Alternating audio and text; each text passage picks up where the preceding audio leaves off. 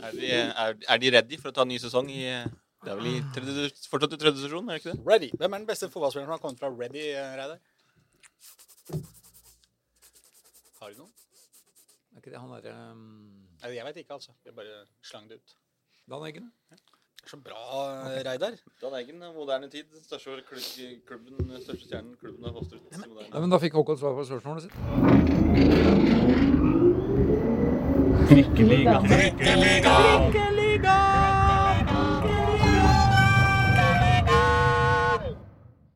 damer og herrer og andre, velkommen til Trikkeligaen sesong 4, episode 45, mine damer. Ja, jeg har sagt det allerede. Eh, hvor vi stadig vekk snakker om Oslo-fotball, fordi sesongen er ikke helt slutt ennå, er den vel det, Håkon Thon? Nei, den er ikke det, Aslak Borgersrud. Nei da.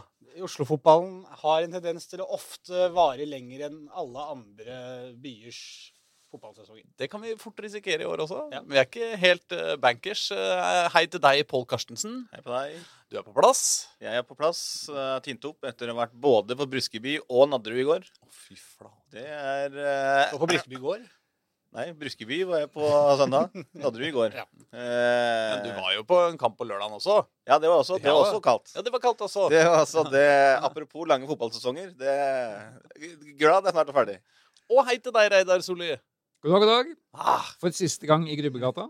Ja, det er sant. Det er jo- Dette studioet skal flytte i løpet av, eh, neste, i løpet av perioden innen neste sending. Så neste, neste uke blir vi et helt annet rom. Det blir kanskje et helt annet uh, lydbilde. Hva veit jeg. Eh, Det blir spennende å se. Det blir sikkert mye bedre. Men dere, vi har masse ting å snakke om i dag. Uh, Vålerenga har spilt eh, to veldig, veldig spennende kamper. En eh, borte mot Hamar i Eliteserien, og en eh, eh, borte, faktisk, eh, mot Rosenborg, men på Ullevål stadion i cupfinalen. Og dessuten så har Lyn spilt eh, en eh, kvalikkamp mot Hødd, og sjelden har vi vel sett en eh, mindre spennende kvalik nummer to-kamp enn eh, den vi får der. Hvor skal vi begynne? Oi. Kan ikke vi begynne på Oi. cupfinalen? Kommer først. Ja, det gjør jo det. Jeg, jeg føler liksom at vi Jeg vet ikke, det er kanskje Jeg lurer på om jeg var bortreist eller noe, eh, men, eh, men altså, jeg føler liksom at ah, det derre seriegullet Jeg har det fortsatt litt godt med det, da. Med det seriegullet til Vålerenga. Banestorming og blussing fra spillere Alt var så fint! Så da var det jo bare to uker til, og så skulle de to rivalene Vålerenga og Rosenborg kjempe cupfinalen. Og så gikk jo det til helvete, da. Ja, det var jo kampen vi vel egentlig satt her og sa for en uke siden at på en måte skulle avgjøre hvem av de to som var det beste laget denne sesongen. Etter at det ble litt, eh, litt kål eh, med poengtrekket til Rosenborg, at de vant den siste der og sånn sett kanskje skulle vært foran, og, osv. videre. De var i hvert fall veldig opptatt av det. Jeg tipper at Vålerenga-folk syns nok det bare er gøy at Rosenborg er irritert over at de klarte å rote det til på den måten. Men så fikk man jo liksom den finalen mot hverandre som, som Ja, vi sa vel det at den Da får man jo et klart bilde kanskje her, da, fordi den kampen oppe i Trondheim på Lerkendal i siste serierunde, den var man jo litt mer sånn Ja, jo, men Vålerenga hadde jo vunnet serien, så hvor reelt var det? Men her hadde vi en kamp hvor begge lag hadde like mye, like mye motivasjon. Og det må jo være lov å nevne i den sammenhengen at på samme måte som mål preger kamper, så er det jo sånn at poeng preger sesonger. Ja. Så, så man kan på en måte ikke uh, sitte i, uh, i Nei, er desember og syte over et poengtreff hvis, Neida, de hadde, hvis, Rosen, nei, hvis Vålerenga hadde trengt et poeng der oppe. Nei da. Så, så hadde nok den kampen sett annerledes ut. Men cupfinalen tar jo ikke noe verken fra eller til. Den, den er, cupfinalen er cupfinalen, og den, har, den er opp til deg selv å velge hvor mye det betyr for deg. Og den bør bety en del, og, og Rosenborg vant den dessverre 1-0. Ja, det gjorde det. Det var jo eh, en kamp prega av eh, to ting. eh, av mange minusgrader og eh, mange var, var og ikke var avgjørelser. Um, er ikke det Og skaden til Mimmi. Å ja, det er sant. Den, Den um, fæle til Mimmi Løvenius, som altså Altså, Mimmi Løvenius er jo på en måte den tøffeste eh, fotballspilleren i Norge, eh, kjennes det som, iblant. Eh, så når hun da eh, går i bakken uten at det egentlig har vært så mye liksom eh, eh, Det var ikke noen grunn til å filme der, da. Og så brøler så hele Ullevål eh, får eh, frysninger oppover ryggen. Det, det er ikke bra. Har vi hørt noe oppdatering på åssen det ligger an eh, med det kneet hennes, eller? Vi har ikke hatt eh, kontakt med legeverden siste døgn. Nei. Det viser seg at den hippokraisk Nei, hva heter den eden som sier at man skal holde kjeft om andres helsetilstand? Den, den fins fortsatt. Hippokratiske. Ja, ja. Jo, jo, kanskje. Eh, men, eh, men, eh, men hva skal vi si om kampen, da? Ja, hva skal vi si om kampen? Den var vel egentlig kvalitetsmessig skuffende svak. eh, Særlig første omgang. Mm. Um, Jeg satt og vurderte hva skal man skrive om her, eh, liksom, før VAR overtok hele showet etter pause. Mm. Det var jo helt Jeg syns det var helt um, Det er kanskje synd å si, men jeg syns det var så mange personlige feil av spillere på såpass høyt nivå at det var eh, nesten sjokkerende. Å ja, syns du det? Skremmende Nest, dårlig eh, nesten like kamp. sjokkerende som publikumstallet, som jo var den nest største skandalen ved denne kampen. Bare 2600. Det er jo ille på en cupfinale. Det, Med to merkenavn i finalene. mm. Men um, det er nå sånn. Ja, det, nei, ja, men det, var, eh, det er ille. Det her, her har eh, Jeg vet ikke, Er det Fotballforbundet eller Norsk Toppfotball som eh, er ansvarlig for å skaffe folk til disse kampene? Norsk Toppfotball har ingenting med det Nei, nei, Eh, Fotballforbundet. De må komme seg på jobb og jobbe for å få inn publikum. Jeg tror det ligger mye på klubben nå. Vålerenga og Rosenborg. Ja. Faktisk. Men, men kanskje vi skal holde oss til det sportslige. Ja. Camilla Lindberg skulle jo, skulle jo gitt Rosenborg ledelsen her før pause, da hun eh, kom aleine etter to av disse feilene som, eh, som jeg syns var oppsiktsvekkende fra VIF. Å ja, den var, den var drøy, altså. Hvor først uh, godeste Thea Bjelde. Prøver å nikke en Det var et oppspill fra keeperen til Rosenborg. ikke Ja, det? Så prøver hun å nikke, så går banen bare rett bakover, og så går den til Elise Thorsnes, og så skulle hun bare sleive Sleiv. Hun, hun skal sleive den opp, men hun sleiver den i, sleiver den i 100 feil retning. Ja, og rett på En kjempepasning var det da til Camilla Lindberg, som da Ja. kunne løpe gjennom. For vi husker jo henne fra vel Kringsjå noen år siden. Vi var der og hvor Vålerenga skulle innkassere et seriegull. Ja. Og så ble det utsatt pga. Camilla Lindberg, som da er veldig dyktig én mot én. Det har hun alltid vært. Men akkurat da fikk hun feil touch. og Ja. gjorde at Guru Pettersen framsto vel som en av Vålerengas beste spillere i denne kampen. Men, det var hun jo. altså Guru Ja, ja. Pettersen gjorde en kjempeinnsats. B Ja. Både i den konkrete situasjonen. Hun venta, og så løp hun ut akkurat i det 100% korrekte øyeblikk. Men hun hadde jo veldig mange den type involveringer hvor hun er ute og snapper ballen før, eh, Ja. før uh, Rosenborg-spillerne får. Litt skuffa over altså, Vålerenga sine offensive spillere. altså det er jo Mimmi Luvenius fikk jo ikke gjort så mye i andre gang, eh, åpenbart eh, nok. Men, men Oleg, både Olaug Tveten og Karina Sævik spesielt var veldig eh, altså lite synlige. da. Janni Thomsen prøvde jo litt eh, både i starten av første gang, starten av andre gang. Eh, være litt direkte, prøve på litt ting. Men, men ingen av de offensive spillerne fikk til noe særlig. Og det, det prega jo eh, hele, hele kampen. Så, så det altså Guro Pettersen var jo kanskje Vålerengas beste spiller, til tross for at absolutt, det, det, er jo nesten hun som blir sittende som, som syndebukk etter at Mm, eh, mm. den straffa som eh, var, og dommeren mener at hun lagde, da, som jo hun selv ikke var eh, spesielt enig i. Jeg satt jo og liveblogga denne kampen på vegne av Dagsavisen på avisas nettsider. og det pleier jeg å gjøre da, på viktige fotballkamper som involverer særlig målinga. Um, og jeg hadde akkurat skrevet at Guro Pettersen var kampens store spiller. Altså, jeg hadde skrevet en sånn panegyrisk hyllest til eh, Guro Pettersens eh, inntredener så langt. Og så liksom type sånn fem sekunder etter jeg hadde trykket enter på den, eh, på den posten, så, eh, så eh, rykka hun ut eh, på en uh, aleine med keeper-situasjon. Eh, traff ikke ballen, men, eh, men det var jo da åpenbart så vidt det var borti, eh, borti Rosenborgs eh, spiss, som eh, la seg eh, fløy eh, som skutt ned i gresset, lå der og smilte sitt eh, ondeste smil. Og eh, Kan jo si mye på Altså, Den situasjonen ble jo selvfølgelig tatt både på VAR, og dommeren mente at det var straffe. og det var, altså, sant. Det er jo sånn at du kan, eh, som eh, også Nils Lekserød, Vålerenga-treneren, sa etterpå, det er jo sånn at det kan forsvare Altså, det er ikke det er ikke klink feil, liksom. Det kan forsvares. Altså, det er sånn tvilstilfeller. Fordi du ser liksom at hun, Emilie Nautnes, uh, Rosenborg-spissen, uh, sleper beina etter seg og er borti liksom uh, der.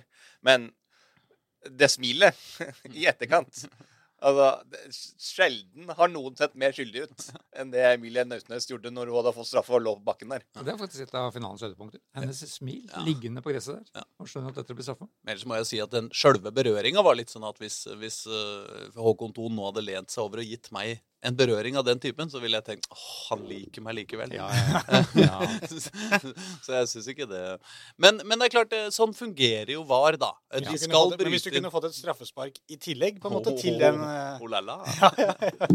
Da snakker vi. Nei, men ikke sant. eh, VAR-reglene fungerer vel sånn at de skal bryte inn hvis det er en clear and obvious error. Og det betyr at så lenge det er kontakt, så kan de vel egentlig ikke gjøre så mye med det. Ja, de kan jo det hvis de mener at det er en clear and obvious error. Altså hvis, altså, hvis de mener at det ikke er, nok til å være straffe, så kan de jo selvfølgelig eh, bryte inn. Og, men akkurat den, den situasjonen er liksom ikke det verste i, eh, eh, i, i, håper i den rekkefølgen av sekvenser. da.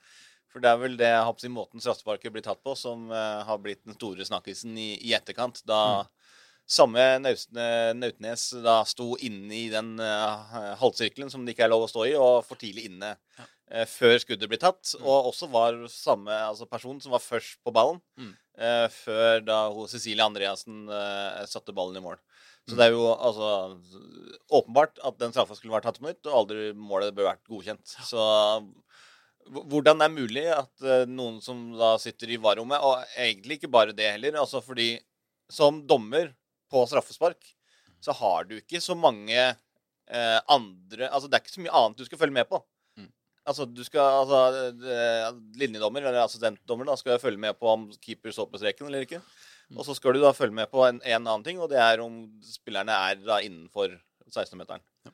Og det er de to tingene, og det greide du ikke. Og heller ikke når du så på VAR. Altså, VAR har jo alle TV-bildene. Og så da når Terje Haugen og i går eller før, da, før dagen gikk ut og sa at nei, TV, vi, kan, vi kan ikke bevise noe ut fra TV-bildene. Mm. Kan du vel? Altså, alle ser jo altså, Ja, det også en merkelig begrunnelse. Ja, ja, det Jeg var- synes jo nettopp TV-bildene bekrefta at uh, dette var, Ja. de var klart innenfor. Det mest sannsynlige her er vel rett og slett Nå skal ikke jeg legge ord i hodet på noen, men det lukter vel litt av at uh, VAR ikke tenkte på det. Eh, og så ble de spurt om det etterpå, og da tar, har de kikka litt på det da, og så sier de ja, Ja, da. vanskelig. Det, det tror jeg også. Jeg tror ikke, ja, det situasjonen for forbi dem. Og det er jo klart det, at sa i også eh, uh, Guro Pettersen også i etterkant, at uh, de måtte gjøre dommeren, altså Kar Karoline Marie Jensen, Mm. uh, oppmerksom på det. Mm. Fordi eh, hun sa at liksom, de spurte dommeren om ja, hva, hva med det? Og så hadde, ikke, hadde åpenbart dommeren ikke tenkt på det. Da. Mm. Så de måtte, altså, hun, eller hun sa da at ute på banen så måtte de gjøre dommeren eh, oppmerksom på den situasjonen. Og da ja, det er absolutt, hvis, hvis VAR eller dommeren ikke var oppmerksom på den situasjonen, og ikke så den situasjonen, og ikke tenkte på det, Mm. så er det jo vanskelig for de å dømme. Men da burde de jo kanskje finne seg noe annet å gjøre, fordi de er jo der for å håndheve fotballreglene. Men det er jo eh, Hvis dommeren ikke ser noe, Mm. så sitter jo disse i varrom og trykker på en knapp hvis de har sett noe. Mm. Så får de beskjed. Mm. Ops. Opp, opp, opp, opp. Følg med her nå. ja, ja. Der vi har noen greier. Ja. Men kanskje det skulle vært sånn at trenerne på hvert lag også skulle hatt en sånn knapp som kunne sendt til varrommet. Sånn Hvis ikke dere fikk med dere dette her takk, takk, takk, Vi har sett noe som vi gjerne vil se på. Altså, en Altså, slags jeg- sånn challenge. Ja, som de Ja, har i- sånn som de har i NFL. Ja, Ja. ja, eller i tennis har de vel det også, har de ikke det? da? At du kan eh, gå Jo, da har de noen ganger med- jeg ganger i tror de har begynt med det i NHL òg, faktisk. På skåringer og sånn. at de Hvis det blir stående, så, så Hvis de har rett, så får du en ny sjanse seinere. Hvis ikke, så mister du den muligheten. Da. Men Ja, ikke sant? Du har én i hver Ja. kamp, liksom. At, eh, ja. et eller annet, jeg husker ikke akkurat med én eller to, eller hva det er. Men altså sånn et antall, da. Men så, Jeg veit ikke om vi trenger flere sånne mekanismer, Knapper. for å være helt ærlig. Nei, færre knapper, kanskje. ja, kanskje færre. Nei, men, men eh, det blei nå som det blei. Eh, Det er jo sånn at eh, på veldig mange steder løper jo noen inn. det er veldig Mm. irriterende hvis uh, hvis du står på sidelinja og helt klart ser at her har det skjedd en feil, Ja, ja. Ja. og hvis det er som Pål sier, at do, det virker som at dommeren egentlig ikke har fått noe Nei, Varum, ingen sikker på det, de, og jeg har ikke sett noe gærent. Så er det litt sånn OK, men kan vi være så snill bedre gå og kikke på det, da? Jeg skjønner jo det, men det er veldig sjeldent egentlig at den situasjonen oppstår, føler jeg, da. Det er mer sånn at VAR har faktisk sett på situasjonen, men konkludert med noe annet enn det kanskje folk flest mener er riktig. Ja. Eh, Men, men da har de i hvert fall sett på det. Men her virker det nesten som de ikke har fått sett på det. Nei, men så er det da en situasjon til eh, i, helt på slutten av kampen. Eh, altså, det var jo eh, altså, Det var et Vålerenga-angrep eh, helt mot slutten av kampen, da, som da er litt fram og tilbake med ballen, hvor, som ender med at eh, Thea Bjelde altså kliner til på en strak rist. Og den flyr jo som et prosjektil gjennom hele banen på tvers, ikke sant? Ja, ok, Eller si det er eh, 25 meter, da. Det er i hvert fall over 20. eh, og havner i, i krøsset, og uh, Vålerenga får sjansen til å, til å gå i ekstraomganger. Trodde jo absolutt hele stadion i eh, Helt til de hadde feira ferdig borti hjørnet, hilst på supporterne, klemma litt, løpt tilbake til eh, start. Nå skal vi sette i gang kampen igjen. Bare Veld, veldig god salto også. Bjelle. Å ja, jeg tok salto. tok salto. Ja, det er sant, det. Det, det var veldig, veldig avansert. Og så viser det seg jo da hva VAR på jobb. Og da, da hadde de plukka opp en eh, offside tidligere i, eh, tidligere i angrepet. Eh, Det var en, eh, en lang ball framover som eh, eh, Karina Sævik til slutt hadde fått, men den går da via en hueduell i, mellom Forsvaret til Rosenborg og Elise Thorsnes. Eh, og da har vel VAR bestemt at det var Elise Thorsnes sitt hue som nikka den fram. Og så får Karina Sævik den, spiller tilbake, og så havner den hos Thea Bjelde, og så går den i mål. Ja, for Det tok en stund fra den situasjonen, eh, altså den, den påståtte offside-situasjonen, Ja, til ja. det angrepet ble avslutta. Ja, ja men det er, ikke, det er ikke så mange Men det er, samme, det er samme angrep. Ja da, det ja da, det er jo det. Men, eh, men det er klart, for meg Jeg har fortsatt ikke helt greid å identifisere hvilket hue det var som nikka den ballen i riktig retning, men, eh, men Det var jo ingen, absolutt ingen på banen som, som tenkte at dette var noe annet enn en scoring. Nei, det tror jeg ikke. Inkludert samtlige Rosenborg-spillere. Ingen her som hadde snakka om noe offside. Nei, nei. Men, men slik, slik er det jo da, og når man ser bildene, så er jo den helt marginal. da. Ja. Og jeg synes jo den er, eh, Det er vanskeligere å se at eh, hun er i offside der, enn å se at det er noen innafor på straffesparket. eh, Ja, Til ja, ja, ja. Hvis, hvis de ikke hadde bildebevis uh, der, ja. Ja, det er Nei, men eh, livet er jo selvfølgelig Livet hater Oslo-fotballen. Universet hater oss. Planetene står ikke i senit eller i riktig ascendent, ascendant, hva det heter. Denne, denne lørdagen. Og dermed så må uh, Vålerenga gå triste og deprimerte hjem, mens eh, Rosenborg fikk eh, Fikk eh, dra på med flesk og duppe og skjenning og karsk og hva det måtte være. På, eh, det var Først hadde de en samlet bankett da, på Ullevål stadion, Ja. eh, disse spillerne. Hvor også dommerne møtte opp, for de møtte da ikke pressen etterpå. For at den skulle, de forlot stadion for å dusje Mm. På hotellet Mm. hvor banketten var. For da hadde, da skulle alle, hadde alle dårlig tid, for de måtte pynte seg til kveld, kveldens fest. Ja, det skjønner jeg er viktigere. Det synes jeg er litt Ja, jeg sto jo der og venta på de. Mm. Spurte jo om kunne få snakke med dommerne. For, nei, de har gått for lengst. Hæ? Det er, kampen er ferdig for ti minutter siden, liksom. Hvordan kan de ha gått for lengst? Nei, de gikk rett på hotellrommet og Så da, de gikk liksom bare innom garderoben, henta tingene sine og gikk. Ja. Så det var helt umulig. Ja. Så, Nei da, men sånn er det. Sesongen er over. Sesongen er over, og jeg må jo si da at liksom Det er jo, ble jo seriegull, da. Det ble gull og sølv. Ja, det, det ble gull og sølv, og det er ikke så, det er ikke så gærent. det synes jeg. nei, altså har de jo De har vært ute i Mesterliga-kvalik mot Real Madrid. Eh, Altså, det er jo, det er jo seriegullet som var store Den store Altså, det de skulle ønske de skulle vinne i år. Så altså, altså for uh, For Vålerenga så er det en fullt ut godkjent sesong. De har mye å bygge på til neste sesong. Da har de jo også Unnskyld. eh, bedre muligheter for å komme seg inn i Mesterligaen. Ja. Eh, for det, eh, det Det kan vi jo se på eh, der Vålerenga jo da møtte Real Madrid. som Mm. fikk jo Brann Glasgow City FC, eller hva det heter for noe. Ja. Og det er jo ganske vesensforskjell på nivået på de to lagene. Ja. Eh, så det nå som, som serie, som serievinner, så vil jo Vålerenga komme i den, den veien. Og da har de enda større muligheter til å komme seg inn i Mesterligaen enn de hadde i, i år. Altså, det har vært en for Brann, som har vunnet sine to første matcher. Ja, og da sant? får de økonomiske muskler umiddelbart.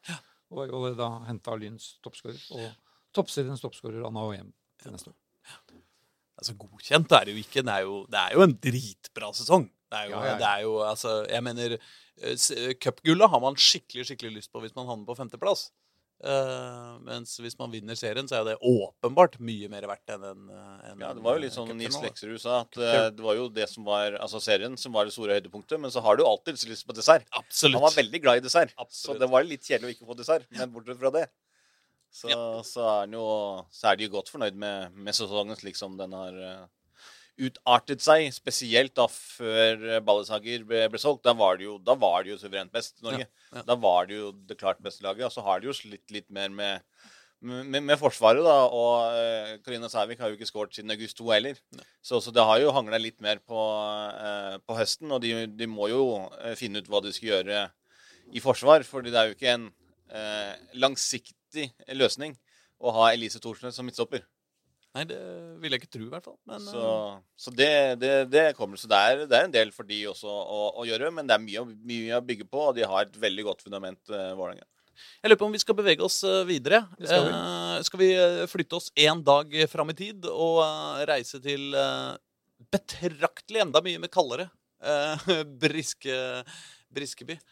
Eh, Ja, der var Pål og jeg på biltur, så vi så koselig. Var det roadtrip? så tidlig opp. kjempekoselig. Um, Så da var det 28 minus, så vi var jo da vi var da fysisk forberedt på en enda kaldere opplevelse enn på Ullevål stadion. Ja, godt, godt, godt. godt. Men vi tok da over um, lokalradioens uh, kommentatorboks på Nei. Briskeby stadion og satt varmt og godt bak uh, ikke-doggende vinduer, som våre naboer i Hamar Arbeiderblad hadde veldig store problemer med. Så de pussa dog samtidig som de så kamp, men det slapp vi. Jeg sa jo at Um, det, jeg hadde ikke forventa at det største pro pro problemet på den kampen skulle være at det var for varmt. Nei. Fordi de hadde jo satt opp eh, De hadde jo en sånn eh, eh, radiator eh, varmeovn Mm. rett eh, under der jeg satt. Mm. Den var jo på 25 eller noe sånt, så jeg satt jo der, og det var jo kjempevarmt. Så det var liksom Mitt største problem var at jeg måtte skru ned den, for at det, det ble litt for varmt. Mens andre i pressen her satt og hutra og frøs i ti minus. Så det Men det var ikke problemet for uh, imponerende gjengen av fra Vifkland som da var på plass. Vi, vi var jo der en time før, og da var vi jo allerede Ja, ja, ganske, de- ja. ganske fullsatt på den uh, supportertribunen til Vålerenga. De var der ja, nesten en halvannen, halvannen time før. Og da var de i gang med synging og hopping og alt som skulle til. Og så snakket da vår gamle trikkeliga-gjest, Meran uh, Amundsen Ansari, Ja. innom. Han er jo da påtroppende markedssjef i HamKam. Ja. Men var ikke skjult på hva han egentlig ønska for denne kampen her. Å, nei, han gjorde ikke det, da. Men det var jo da fordi han eh, Ja, altså han vil jo ha Vålinga. Han vil jo ha HamKam Vålinga neste år òg. Ja. Både på Intility og på Hamar. Det gjenstår å se om han får, men han fikk ja. i hvert fall første, første del innfridd ved at, ved at HamKam-laget hans, hans nye lag, tapte. Det var jo en kamp si som ja, vet du hva? Jeg, Det jeg kjente på i den kampen her, i starten Jeg så den bare på TV, altså. Men det var at må si særlig Stefan Strandberg, men også egentlig hele Vålerenga-laget, så ut som at nå Denne kampen var de på jobb. Liksom, her skulle det slåss, her skulle det sprute av alle taklinger. Her skulle alle muligheter til å markere hvor tøffe og harde og eh, raske og flinke de var, skulle markeres. Og er, jeg, jeg syns at Stefan Strandberg var en av de som faktisk jeg synes var aller best på Vålinga i den kampen her, som trøkker altså så mye til. Jeg fikk en helt annen følelse av et Vålinga-lag som virkelig nå hadde så ut som om de spilte med, med kniven på strupen. Uh, Sjøl om det jo blei tok veldig, veldig, veldig lang tid eh, før, de, eh, før de fikk noe mål. For det er klart at HamKam hadde jo gjort jobben sin noe ganske grundig, og de var åpenbart eh, veldig oppmerksom på Vålingas eh, luftstyrke inni boksen. For den fikk Vålinga ingenting ut av i hele kampen. Det var jo helt, eh, helt Nei, men jeg er eh, helt sjokkarta. enig i det. Det var vel akkurat det som du også skrev i din kommentar, Reidar. At eh, forskjellen eh, på Vålerenga den kampen her, kontra for eksempel, eh, altså spesielt kampen mot Stabæk hjemme. Mm. For den kampen så de veldig forknyttet ut, veldig redde ut, veldig sånn at de ikke Altså, ah, altså det, var, det var frykt der. Mm. Altså de, de turte ikke å slippe seg ut. Men i den kampen her på, på Briskeby Mm. så så det veldig ut som at nå Altså det er nå eller aldri. Nå må vi liksom Nå må vi skjerpe oss. Nå må vi spille fotball. Mm. Og da, da så det ut som de altså faktisk det var det de prøvde på. Mm. At liksom, de, de hadde ikke den konsekvenstenkningen eller, eller, eller den frykten. da. Eh, og så syns jeg de var, eh, de var best før pause. Mm. HamKam tok over etter, etter pause. Mm. Eh, så når liksom den skåringen kom, altså kjempebra, altså helt, helt avgjørende for, for Vålerenga, Mm. Men da var liksom kampen inne i en sånn fase at du tenkte liksom, hvordan skal Vålerenga greie å, greie å skåre her? Mm. Men så fikk du da hjelp av en eh, gammel venn i eh, eh, Brynjar Bjarnason, Ja. som jo sa Jeg snakka med han etter kampen og sa at det her er vel eh, mitt beste bidrag i, eh, for Vålerenga i min karriere her i, i Norge. Så det er det noe, sa han. Og så, så humra han litt for seg selv, og så snakka vi litt om da både Hapsi HamKam sin sesong og, og, og det han har sett av Vålerenga i, i årets sesong, som han jo han som alle andre, han hadde jo aldri sett for seg at Vålerenga skulle være i den situasjonen der. Og han håper jo at Vålerenga berger seg, ikke minst da pga. at klanen fortjener å ha et lag i Eliteserien. Mm. Så god jobb som, som de har gjort. eh, som de gjør, som støtter laget i tykt og tynt hver, hver eneste kamp. Hadde man klart å ha litt flere sånne jeg, Nå kommer jeg ikke på noe godt ord for undercover, men eh, en sånn spion. Ja, ja, ja sånn, ja. Som- Dobbeltagent. En dobbeltagent. Ja, At man på en måte hadde klart å ha en hel Femtekolonnist, kan vi kalle det. Ja, Ja. og du hadde klart å ha eh, en, en, en 20-25 stykker på eh, lønningslista der, Mm. som du bare selger til andre klubber. De får litt penger fra HamKam og Lillestrøm og sånn, men, Mm. men egentlig så jobber de for Vålerenga, ikke sant? Så kan bare dytte ballen litt i deres retning eh, i akkurat de Det er enkeltkampene. nesten så jeg tror det finnes noe regelverk mot det. Det kan jeg ikke tenke meg.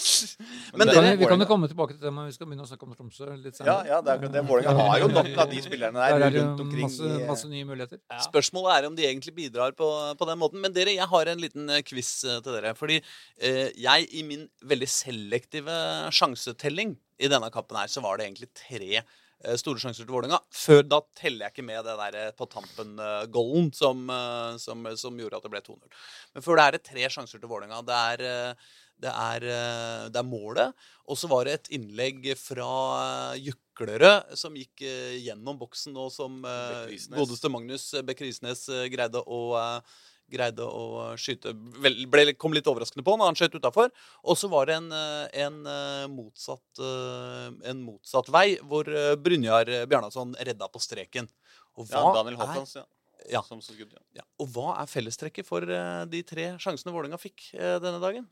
Ja, men den siste var jo da ikke Vålerenga-sjanse.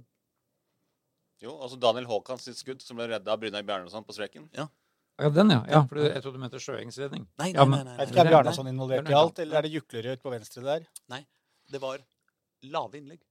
Ja. Alle de tre sjansene, innlegga som faktisk ble eh, sjanser, var sånn kaotiske, lave innlegg. Og det var jo helt tydelig Altså, HamKam nikka jo unna alt som kom i lufta.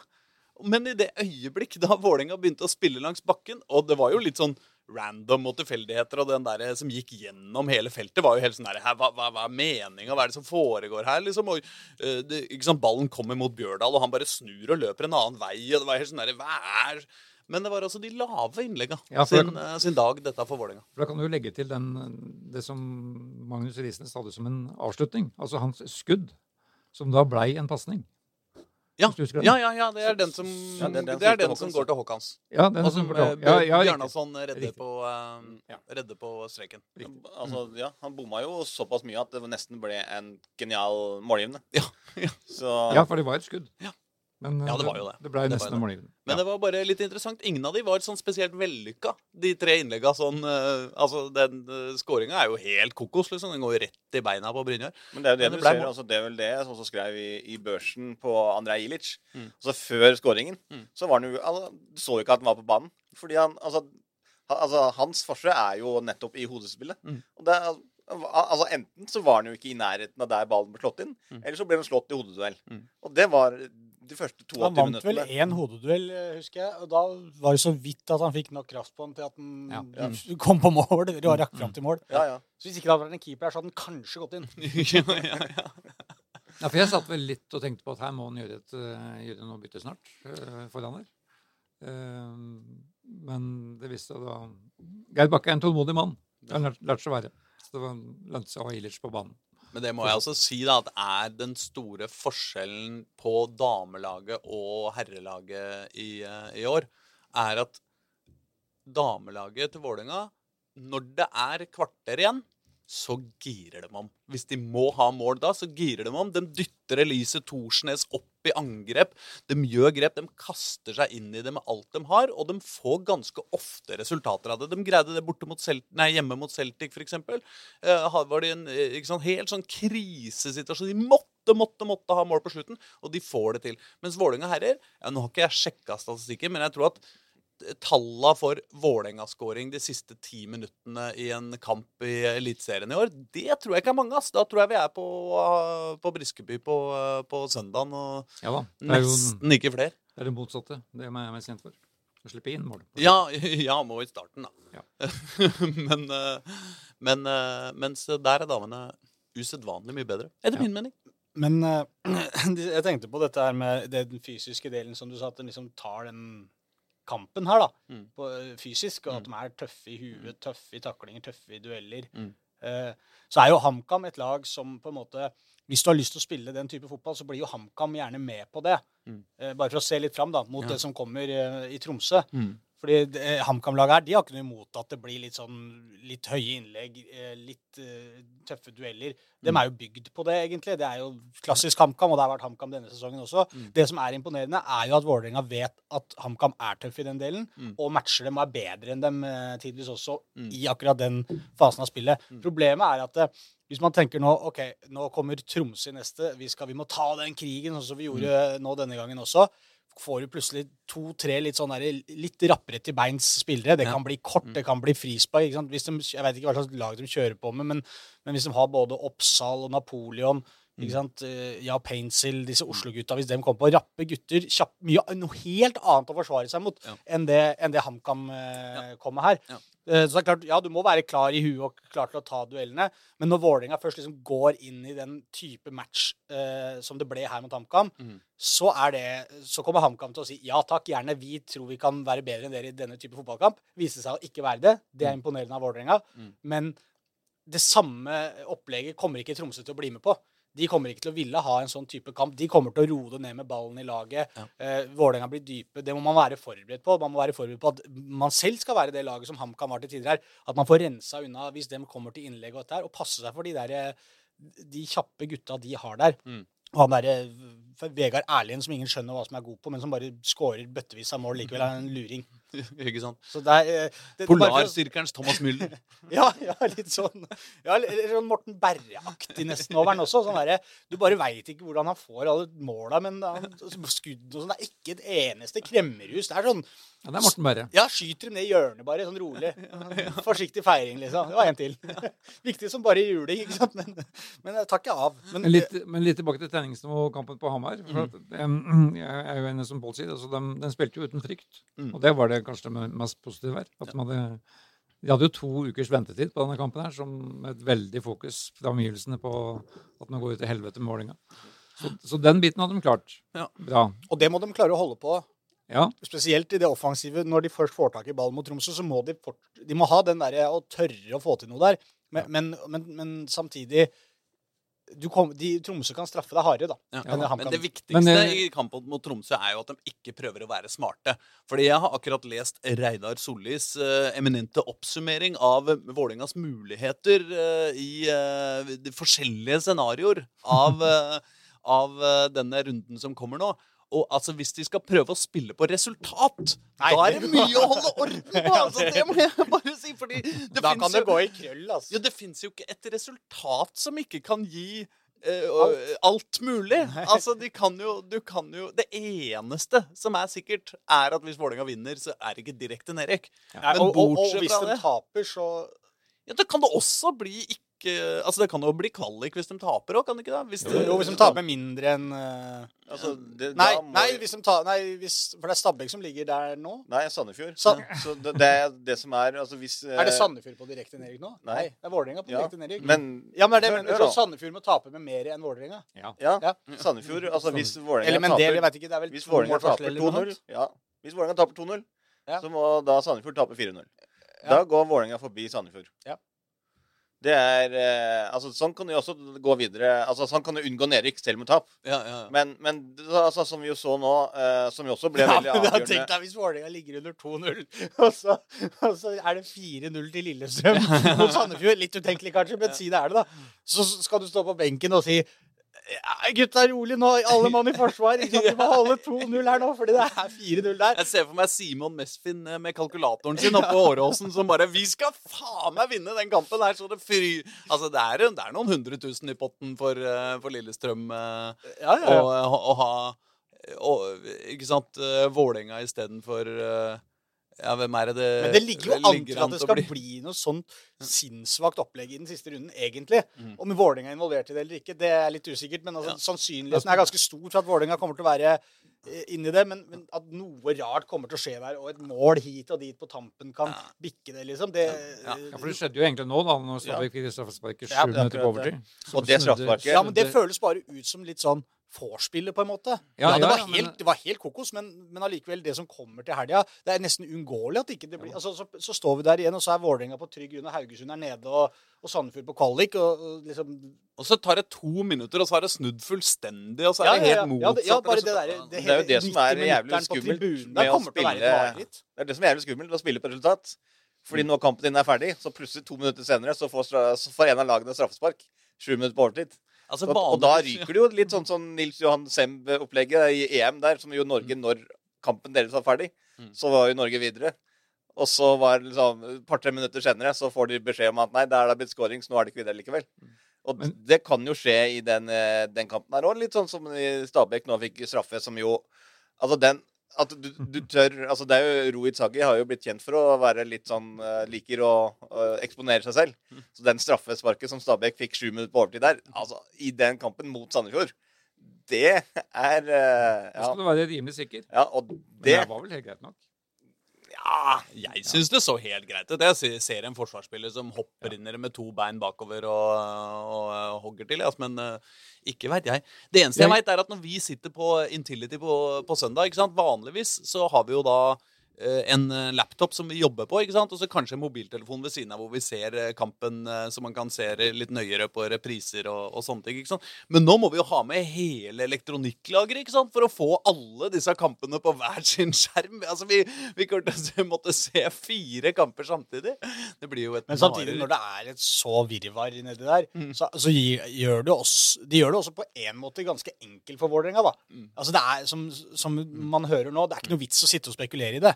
Man må gå ut og vinne den kampen. Det eneste sikre er å vinne. Ja, ikke Mm. sant? Og det er jo det Vålerenga må sikte på. Eh, ikke sånn hodestups i angrep fra start, fordi at ja, uavgjort kan fint holde, på en måte, så du må ikke blottlegge deg fullstendig. Eh, men, men, det er ikke noe, men, men de må gå for å vinne den. Jo, men problemet er at hvis det er 88 minutter på klokka Ja, det er noe annet. Og det er, start, jeg stillinga er 1-1. Ja, Ikke da sant? du, ja, men da Også, må du begynne å Og da må du ja, da, det å skjønner telle, da. Men jeg liksom. mener sånn inngangen til kampen, da. Så er det ikke noe vits å sitte sånn Ja, gutter, i dag går vi for uavgjort. Fordi at det sannsynligvis, hvis vi beregner alt, så kommer det til å holde. Ja. Ikke sant? Det, det, det kommer de ikke til å gjøre. Det, det er ikke noe, så, så inngangen til Vålerenga blir jo egentlig Den er jo grei for nesten alle de fire laga. De, de drar, går jo til siste serierunde og vet at seier holder. Mm. Det er jo samme utgangspunkt for alle. Ja. Uh, og alle vet at hvis de vinner, så går det bra, på en måte. Ja, eller OK bra, i hvert fall. Ja. Nei. Men-. Eller hvis alle vinner, så er det noen som rykker ned, da. Men eh, Jeg bare håper at de har én dedikert ansvarlig på benken til å holde oversikt, og som er litt ryddig i huet her. Fordi at det, det, altså, du, det, det er jo så det går an å se for seg at folk tar feil òg. Ja, men nå Ja, men den og den kampen ender sånn og sånn, ja, men målforskjellen der, og så plutselig så tror du at du har det dekka, altså. Nei, Ja, for det kan hende at det viktigste for Vålerenga da, på stillingen 1-1, er å ikke slippe inn mål. Ja. Og da må de håndtere det etter det. Ja da, det, er jo altså det er et scenario som de sikkert må gå igjennom. Altså, Hva gjør vi hvis vi har et uavgjort fem minutter igjen, ti minutter igjen? Uh, ja, Ti minutter igjen er for lenge, men ja, fem minutter igjen eller to minutter. Da, da må de jo ha en eller annen plan på det, men, men ikke noe mer enn at ok, nå må vi forsvare oss, eller nå må vi angripe. på en måte. Altså, men hva er det? Ja. En konkret, da. Nå må vi switche om. Ja. Og Men hvis det er to minutter igjen, og du må ha mål, så er jo oppgaven ganske enkel. Det er jo å slå den inn og håpe på det beste. Du har Ilic og rør. Men dette igjen, dette har ikke Vålerenga fått til en eneste gang i hele Nei, men Det er det som er så gøy med fotball. Du sitter jo og tenker at Det er det som gjør den der siste runden så spektakulær. At så skjer det i siste runden, da, det som ingen tror skal skje. ikke sant? Og Vålerenga treffer på akkurat det de har prøvd på, men aldri fått til i løpet av sesongen. også sies at Tromsø har jo aldri vunnet på Intility. Og det er jo Forrige gang de slo Vålerenga i Oslo, var vel i Hva fant ut? Var det 2009, Reidar? 2009, ja. Men ja, de vant en treningskamp. Ja, jeg husker den treningskampen. Altså, det er ikke mange år siden, eller et par år siden, hvor, øh, hvor øh, vi trodde at uh, Vålinga her skulle bare Vålinga liksom ha, ha litt å kose seg med før sesongstart, og så bare kommer Tromsø og bare blam! Wow, hva skjedde her, liksom? Det, dette var jo et uh, helvetes godt fotballag, plutselig. Men i obligatoriske kamper har de aldri vunnet. Ja. Og det er det Men- som teller, selvfølgelig. Ja, det er det selvfølgelig. selvfølgelig. Men, Men kan så jeg må få vi jo si at Vålinga da har jo bare to seire på hjemmebane. Denne Ja, ja, sesongen. ja, Så det er ikke sånn at Og de har ikke vunnet to kamper på rad hele sesongen heller. Så, det, men, så, sånn kan vi holde på med Ja, ja. fakta og statistikk som taler for og imot. Ja, Vi og kan det gjøre det med et fjerde forsøk på å avslutte den kampen på Hamar. Absolutt. For nå skjønner jeg at det er kampen på søndag som egentlig er mest spennende. Men bare apropos treningsnivå, for jeg Ja. synes det var morsomste situasjonen her var når um, Stefan Strandberg fikk gult kort. Ja. Og det er jo litt dristig i denne verden her. ja. Og det var fordi at han, det var fordi at han flytta ballen 20 cm inn på banen. Ja. Og så, så snudde dommeren og gikk. Og så snudde dommeren seg inn og dobbeltsjekka, og da hadde han flytta den ballen fram igjen. Ja. Og så sa Stefan Sammer noe til dommeren. Han skjønte den ut, selvfølgelig. Ja. Og fikk gult kort. Ja. Og så tok det fortsatt litt tid før han fikk tatt eh, frisparket. Mm. Og så, lurt, og så tok samme ballen, og så tok han på utsida av, eh, ja, ja. av sidelinja. Altså, Som en sånn demonstrasjon. Ja, mener du det er her jeg skal ta det? Ja. og da var den sannsynligvis sekunder fra rødt kort. Ja, det, det, der trodde jeg han skulle få rødt, ass. Når han dro den ballen utafor linja. Bare nø, nø, nø, nø, nø, liksom lufta for henne. Sånn derre i sånn Uh, Så må bare be han få det spenningsnivået litt ned før kampen på søndag. Nei. Nei, nei, nei. Dette er helt greit, det. Ja, Man vil ikke få rødt kort etter et kvarter, liksom. Helst ikke. Nei. Men, men liksom Men hvis det er det som skal til Ja, ja. Noen ganger er det bedre Det er liksom det, Vålerenga må vinne over Eliteseriens uh, tredje beste fotballag. Uh, og, Og det beste bortelaget det beste bortelaget. mot det, Det- dårligste Det skal uh, Mirakler må skje. Ikke Ja. sant? Det er ikke noe sånn der jeg, vil Men det er det går som, på det er jobb, det bare liksom. sånn, Jeg mener den siste runden igjen, da. Det, det føles jo som det ligger an til noe sånt. Bare fordi at det ikke ligger an til det i det hele tatt. Så, så altså, Det er jo aldri sånn Nå satt jo folk, alle samtlige som vi snakka om i forrige uke, Mm. hadde hørt på 9000 fotballpodkaster fra Norge, og alle sa det samme. Vålerenga rykker ned, Stabæk tar kvalik, Sandefjord er Det blir uforandra. Ja, Liksom, ja, all logikk tilsier jo det nå, for det er jo sånn det står akkurat nå. Og de har tatt den siste kampen, og de har spilt u... Altså, ja, det ser sånn ut, men er det noe man liksom har lært etter å ha sett fotball, så er det at ting skjer. Noe rart. Altså, Vålerenga slår Tromsø i den siste runden. Det er klart de gjør det. Ja, og Haugesund rykker ned. Ja, ja. Ikke sant? Og så var det den som ingen snakka om, som datt Mm. ned der. Og det er jo, så, sitter du ikke der etter sesongen og tenker Oi, det var overraskende. Alle har jo sett tabellen og vet at det er en, en mulighet. Selvfølgelig kan Vålerenga Alle Vålerenga-supportere håper jo på det, men alle er livredde for at man rykker ned. Men det er jo nettopp det at få tror på det, som gjør det så ekstraordinært. da. Og fotball er full av sånne historier. Men Tromsø må jo glede seg enormt denne matchen her. Altså, De veit jo Ja, ja, ja. De har jo For et utgangspunkt de ja, har. ja, for dem er jo en drøm, Ja, ja, ja. hele greia. Ja. Og, og du veit jo egentlig at den der andreplassen eh, Det skal veldig mye til med den der humøret til Brann om dagen. Så uh, når de, de knuste Glimt 4-2 Skårte fire mål i første omgang. Ja. Og Bård Finne altså, ikke sant? Han bare er i nærheten av ballen, så går han i mål. Uh, det er klart De, de tar jo ikke igjen. Nei, men Brann Tromsø har jo den tredjeplassen å forsvare òg, da. Jo, jo da, jo da, men det er liksom ikke så big deal. Tredje eller fjerdeplass. Det Liksom. kan jo være veldig big deal, da. Ja, det er jo Om kan- det blir kan- Europa eller Om det ikke. blir Conference eh, League eller ikke. Ja. Ja da, ja da. Men likevel. Men, Ja, og men, Trom, men men, Tromsø er på en måte Det som er ulempen for Vålerenga, er at Tromsø har jo den sesongen som på en måte er bare morsom og gøy uansett. Mm. Eh, og de drar jo ned og skal møte et Vålerenga-lag liksom desperate må vinne. Kommer til å få plass, kommer til å få angrep. Altså, jeg kan, det er ikke noe vanskelig å se for seg at Tromsø vinner denne kampen heller. Jeg bare, det eneste håpet jeg ser til Vålerenga, er, at, eh, er magien i fotball, på en måte. Ja. ja, det er det, det som kan redde. Vålerenga. Altså, Tromsø kommer med fire borteseiere nå de siste, de siste fire kampene. Og fire spillere som Vålerenga ikke ville Ikke gadd å satse på. Så De kan, bare, kan, kan, ikke, dere, kan ikke dere bare dra et eller annet sted? Dra nordover og se om dere finner en eller annen klubb, har disse folka fått beskjed om. liksom. De skåra fire mål på, i Stavanger. De skåra fire mål i Molde. Mm. Så slo de Odd da i siste. Mm. Eh, det kom en enorm selvtillit. Og jeg, jeg, som du sa, det er helt, helt annet spillende lag enn en HamKam. Ja. Og leser nå da at, uh, at Vålerenga stenger seg inne og sperrer, stenger alle treninger fra og med torsdag til, mm. til kampstart. Mm. Ingen får snakke med dem. Eh, det er jo angst i høyeste potens. Dette er jo drøm for et motstanderlag. Men nå gjorde vel Vålerenga det nå denne uka òg, gjorde de ikke det? De stengte i hvert fall noe. ikke, halv, ikke halve uka. Nei, nei, nei, men de stengte noe. Ja da, ja da det har de gjort. Det, det er ganske vanlig at de stenger en trening, men, eh, men de åpna jo for pressen å komme inn der på treningene og snakke med folk. Ja. Men det er det slutt på. Det er det, det er slutt på denne uka. Mm. Nå skal de bare konsentrere seg om seg sjøl. Men dette er jo morsomt for Tromsø-folk å lese, da. Ja, Og ikke minst de spillerne som kommer ned. Jeg nevnte jo vidt med, jeg tenkte du skulle snakke med Magnus Sjøeng. Han er jo han spilte jo Gikk vel både på skolen og spilte barndomsfotball sammen med Jakob Napoleon Romsås ja. i, i Skeid. Mm. eh, Barnefotball i, i sin tid.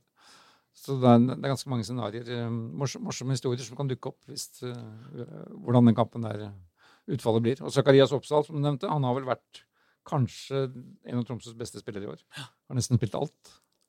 Jeg må si at uh, dere som skriver nyhetssaker og kommentarer og sånn, hvis dere ikke har noen poenger Hvis dere tenker liksom sånn hva faen skal jeg skrive om i dag? Og det er jo ingenting her. Etter den kampen på søndag, da, da, da begynner det å bli på tide. Etter den som kommer. Ja. Etter, er- jeg, jeg tror det kommer til å være mange alternativer. Mange, mange kamper i kampene, både på tabellen og på banen. Tror Og, du sier det er å finne en vinkling? Ja. ja, jeg, tror, jeg tror det skal gå bra å finne Det vinkling. Det rareste er at det aller kjedeligste som kan skje, på en måte, er vel at det blir 0-0 og Vålerenga får kvalik, på en måte. Ja, ja. Det er på, og, og det det, er altså. ganske vilt. Jeg eh, tror, mange tar, altså, jeg tror veldig mange Vålerenga-supportere tar det. ja, ja, ja, ja, ja lett, ja. Så jeg tror Jo, jo, ikke det er det kjedeligste som skjer. Nei, ikke sånn kjedelig, men altså sånn for å skrive om, da, på en måte. Altså, rykker Vålerenga ned, så er det jo den største overskriften du kan finne. Det er jo, jeg vet ikke hva høyt det går i punkt, ja, men eh, 72 eller noe sånt. Det er jo Det var det! Kommer det til å stå på Dagbladet. og da er det Sjokk. Nå var man sjokk. Ja, så det er jo den største overskriften. Og hvis Vålerenga holder seg, så er jo egentlig det ganske stor overskrift, sånn som ting har blitt, og så det folk har eh, på en måte forespeila. Mm. Men hvis det liksom er en kamp hvor det ikke skjer noen ting på uh, inntil tid, det skal, jeg ser ikke det for meg, men det er liksom Det er sånn det er det kjedelige. Og så blir det kvalik, så vi må vente litt med å få på en måte avgjørelsen også på hva som skjer. Ja. Så det er den døveste for kommentator Reidar Solli. Er, er det det, ja? Ja. Er det ikke er det? Ikke det? Det er kanskje det. Ja, det ble null liksom, Ja ja, sesongen fortsetter, kommer vi til å skrive da. Vålerenga berga seg. Ja, det fikk, fikk, ja, fikk en ny Jo, gjorde kan det. gjenta den Fikk en ny gamle, sjans. gamle tittelen som du uh, har uh, vært så engasjert i. Trygge Vålerenga. Ja, ja. Som ble et utrygge.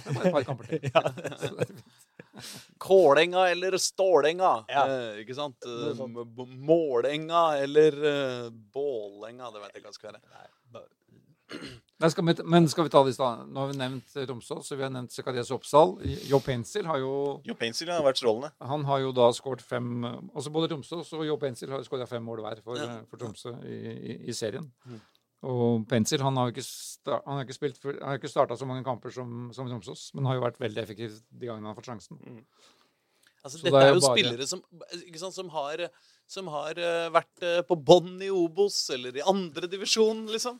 Eh, som fyller opp dette, dette Ja, jeg husker jo ikke Zakarias Oppsal. Det var vel under Ronny Deila at han var i den, Nei, den stallen? var det ikke det? Nei da, det var under Fagermo, ja. Var det, Ja, ja, ja, okay. Det er ikke så lenge siden det.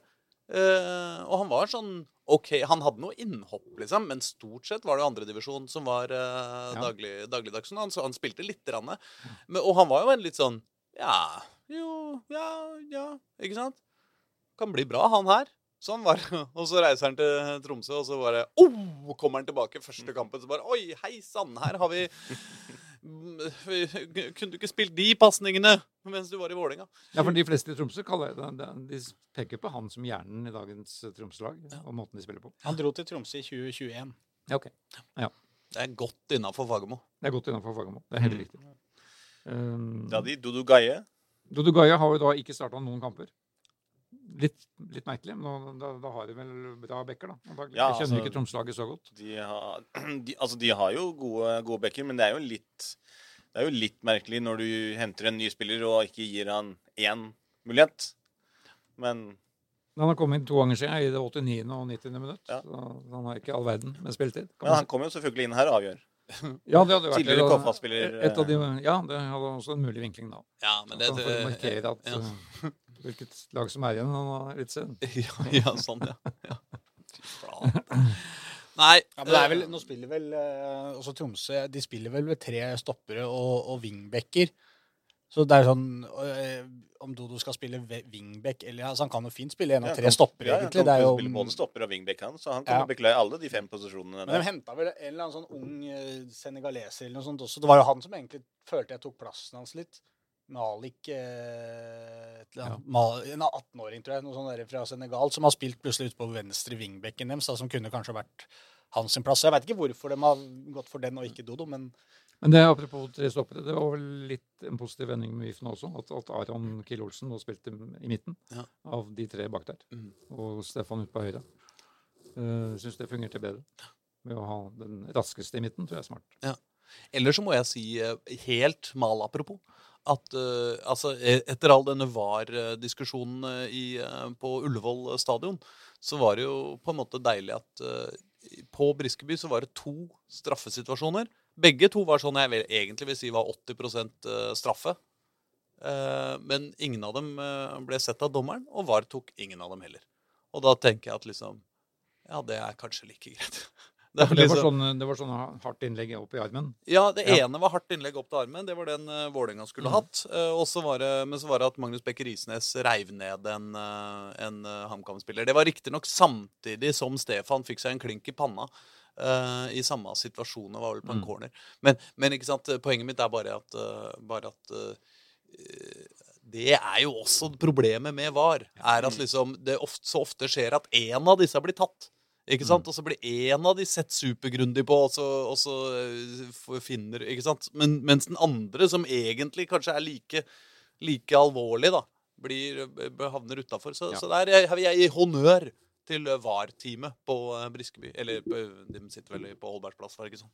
De sitter på Holbergsplass. Uh, Det er kjempefint med VAR når VAR ikke brukes. Det er deilig. Nei, men ja, men at man liksom ikke, ikke går inn og tar den ene armen og ikke den andre, liksom. Det er jo mitt hovedargument mot VAR. Hvorfor flytter den skjønnsmessige avgjørelsen som kommer uansett, fra banen til dette på Oslo, Oslo sentrum? Samme det. Men det er, en, gammel eh, diskusjon. Skal vi da gå videre til noe så absurd som enda en eh, gigantisk avgjørende kamp? Men bare, nei, ja, Nei, det skal vi eh, ikke. Nei, for, for det blir jo da neste ledd, som du sier. Hvis Ja. det blir eh, La oss si at det blir uavgjort i alle kamper, da. Og ingenting endrer seg. Det er jo det kjedeligste som skjer. Ja. Det skjer selvfølgelig ikke, men det kan jo skje. Ja. Da rykker Vålerenga nei, da, da rykker Vålerenga ned, da. Mm. Ja. Men hvis de da skulle da klare seg med at, at det, det skjer at de med uavgjort også skal- får kvalik, Mm. eller får kvalik uansett, da. Ja. Hvem møter de der?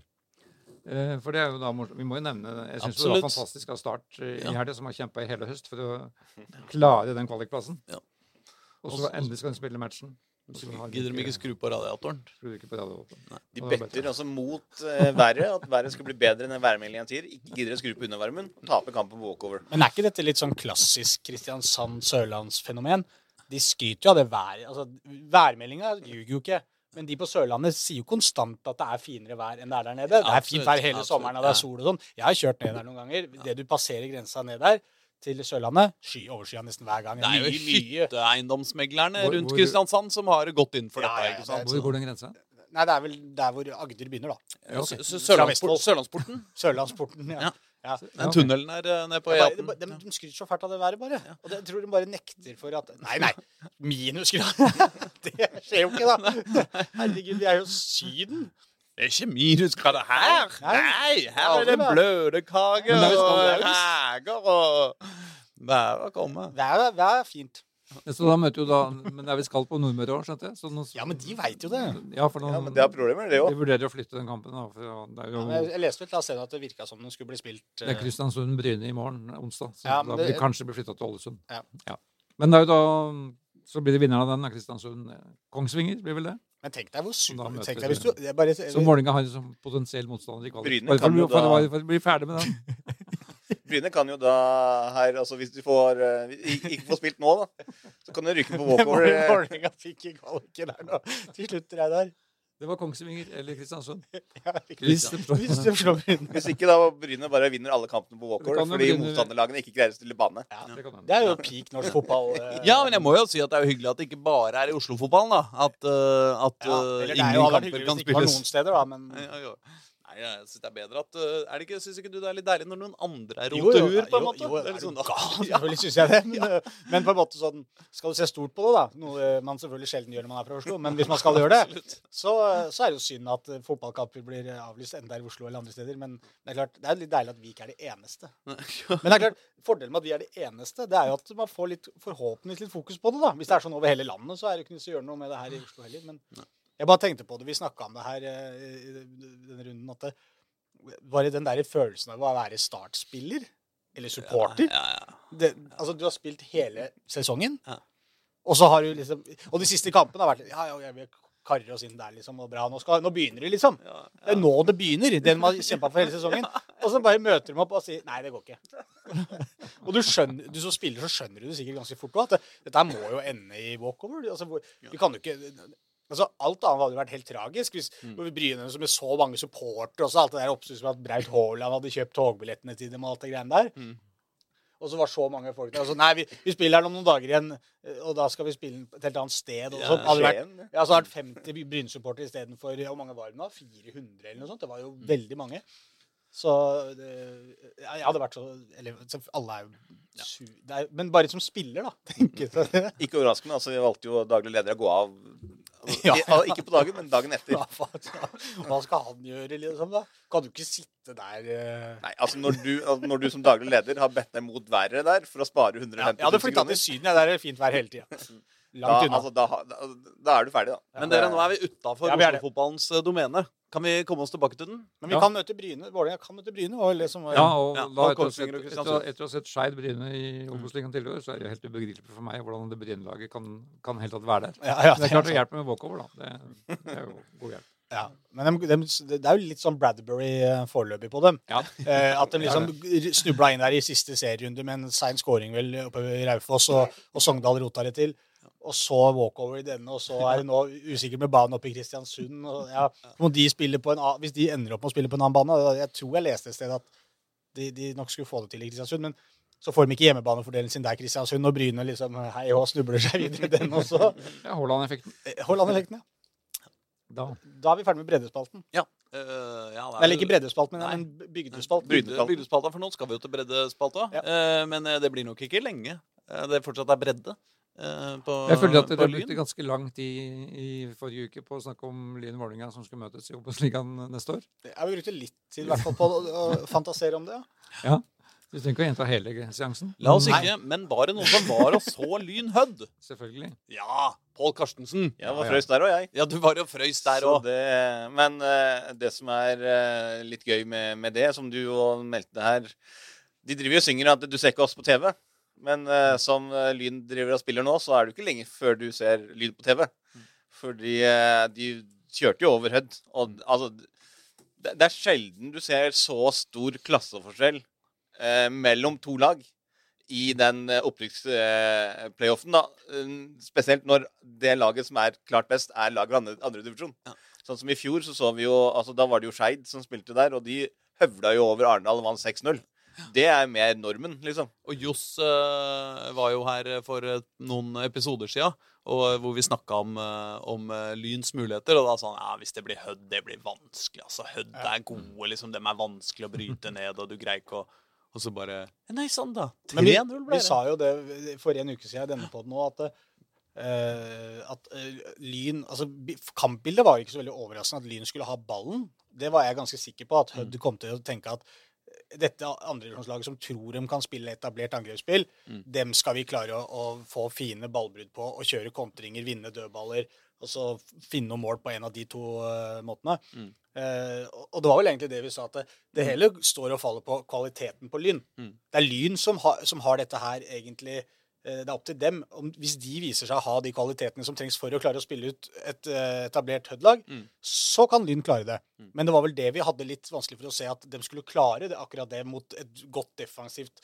Hødd-lag som er gode på kontringer, som er gode på dødballer. At, det, at Lyn skulle på en måte tape eh, over to kamper her, og man skulle sitte med en sånn følelse av at å, det, var, eh, det var urettferdig. Vi var jo det beste laget, ikke sant, den der dumme setninga der. Ja. At vi spilte jo best fotball og hadde flere sjanser, og vi hadde flere skudd. og Det var jo sånn det var mot Romsdalen den første Ja, matchen. Ja, en måte. Men det som imponerte meg med Lyn i denne kampen her Jeg så den jo bare på TV, da. Mm. Eller ikke på TV, da, for de spiller jo ikke på TV, men på, Spiller på nett-TV. På nett-TV. nett-TV. Du ser oss på nett-TV. Den Men du eh, kan se nett-TV på TV. Det kan du. Ja, på selve apparatet TV. Ja, ja, så jeg gjorde det. Ja, Jeg hvis, du ser også på lineær-TV, jeg burde vært riktig. Jeg tok jo om fjernsynsapparatet og så den der. Jeg òg. God samtale. Eh, takk. Aslak sier seg så fælt når vi snakker om Lyn. Ja, Nei, vi snakker om lineær-TV. Aslak kan jo bare nå gå ut av rommet, så kan du ta over, Håkon. Da blir det mye bedre stemning. Er Så var det med i tillegg da også Det er ikke så ofte Lyn er i ny- Sportsnyhetene i NRK Dagsrevyen og i Kveldsnytt Mm. eh, i løpet av samme kveld. Men det var de da også. Men det var kanskje en digresjon. Også. Ja, ja, nei, jeg- for det var det du jeg skulle egentlig var- om? Nei, jeg skulle egentlig bare si at Lyn imponerte meg fra start egentlig i den kampen her med den, den roa jeg følte de hadde i matchen. Mm. Det var egentlig den, fordi jeg, jeg kjente selv at jeg fikk litt sånn angst idet kampen starta. Fordi det var noe med at OK, vi, alle lyngutta må sitte i garderoben og ja, ja, OK, nå, dette, nå tar vi dette her, gutter. Liksom, nå kliner vi til, og Hødd er ikke så god, og Snakker ikke sånn på Lyn, vet du. Nei, nei, de gjør kanskje ikke det, da, men Hei, gutter, nå tar vi det. Dette kan gå! Kom igjen! Opp med kragen, karer! Ja. Ja.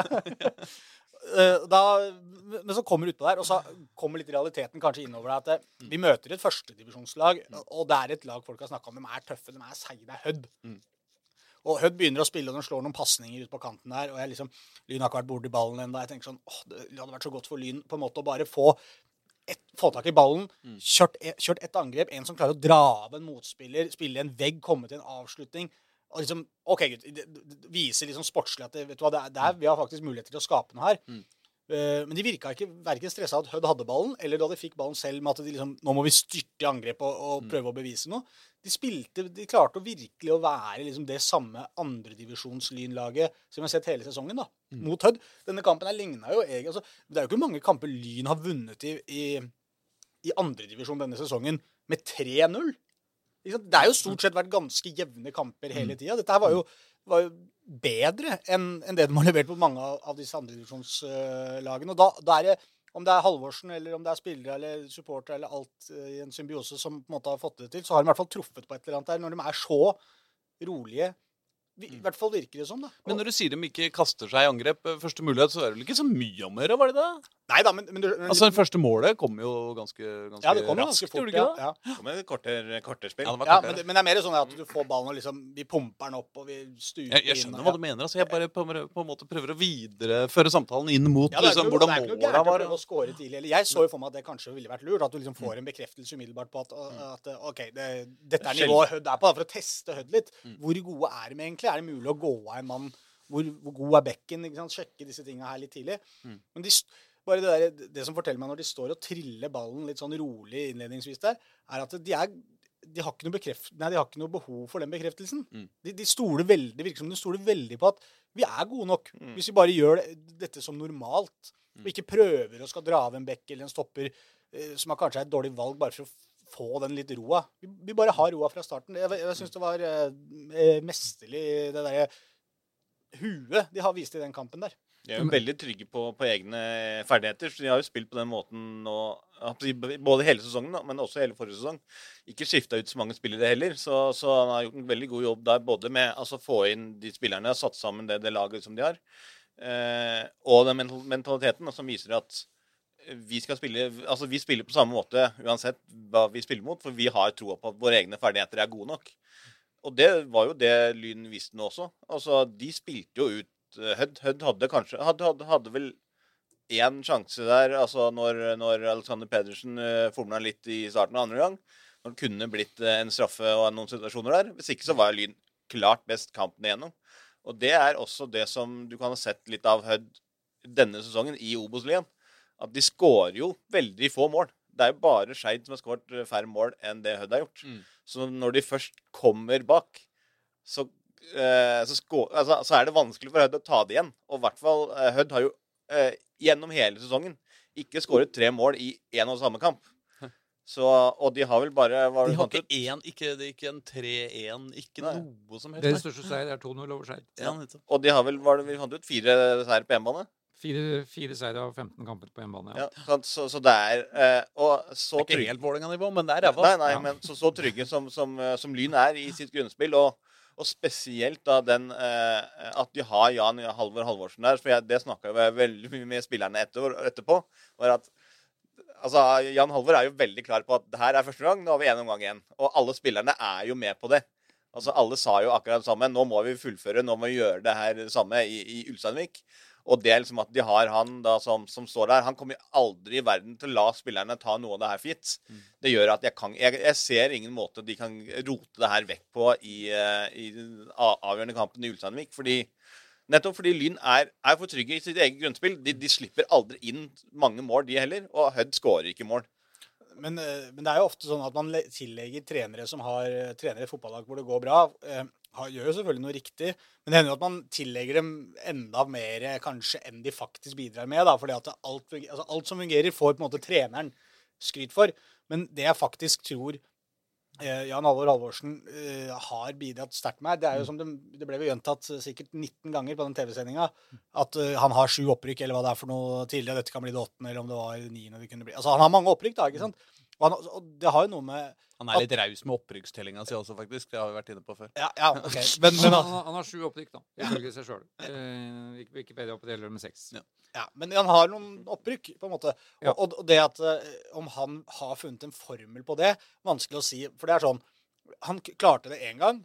Og, og da begynner spillere som har han neste gang å tro Å, han fikk det til med dem, da hvorfor skal han ikke Hvis vi gjør som han sier, så OK, greit. Og når du gjør, gjør det da seks-sju ganger, Mm. eh, så er det klart at hvorfor skal lynspillerne tvile på noe av det Jan Halvor Halvorsen sier i disse settingene her? Altså i løpet av en sesong så kan det være enkeltkamper hvor man kanskje er uenig i at, hvordan man løser det. Men når man står i en sånn situasjon som han har vært i mange ganger før så jeg, jeg tror at Det er litt av grunnen til at Lyn virker så trygge her. Det tror jeg uten at jeg på en måte vet det innad.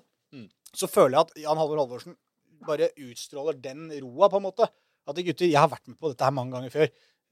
Dette er det som gjelder. Det har ingenting å si om vi ligger med han bekken der eller der eller sånn eller sånn. Det handler om liksom å, å finne den der roa, gleden med å spille og alt det. Altså, har, jeg tror han har noen sånne knapper som han kan trykke på som, som han veit fungerer, og som fungerer ekstra godt fordi han har historien å vise til. Og det er ikke noe grunn til at de lyngutta skal sitte der og tenke Nei, han der ga- gammelen der, hva er det han står og rører med nå, liksom? Dette tror jeg ikke noen ting på. Eh, Her kjører jeg mitt eget opplegg, liksom. Det, det- er det ingen som tenker i den lyngarderoben da. Og bare fyren i seg selv er jo en rolig nedpå-type, ikke sant? Så, så han står jo ikke inni der og pisker opp lyngutta nødvendig. Han, jeg tipper de var rimelig eh, klare for den kampen uansett, og han bare sa at nå bare ut og kjøre helt vanlige gutter, så er dette Hødd-laget eh, mulig å slå. Så har de en stil, da. Altså, de er jo veldig, veldig ute på kantene. Alle angrep skjer jo gjerne ved innlegg fra, fra begge kanter. Mm. Og han har kjørt det opplegget i to, to år nå, og skifter jo veldig lite på laget hvis han ikke må. Og vi veit jo akkurat hva som skjer. Så kommer Iba inn de siste, siste 20 minuttene Ja. og står foran der, og, og som, som er, er vel en av Norges, fortsatt en av Norges beste spisser med ryggen mot, mot mål. Ja, Det var så deilig når han kom inn nå også. Du så han Ja. med en gang eh, ba om ballen. Han Ja. var liksom. 'Spill meg, spill meg her'. Og han lynspilleren lynspilleren hadde den, ikke sant? tenkte du, du var, var litt pressa. Var, du? Du var to-tre to, høydespillere, én rett i ryggen og én en på hver side. Ikke noe Tenkte seg ikke om to ganger. Hvis Iba vil ha han der, da stoler jeg på at han tar imot den der.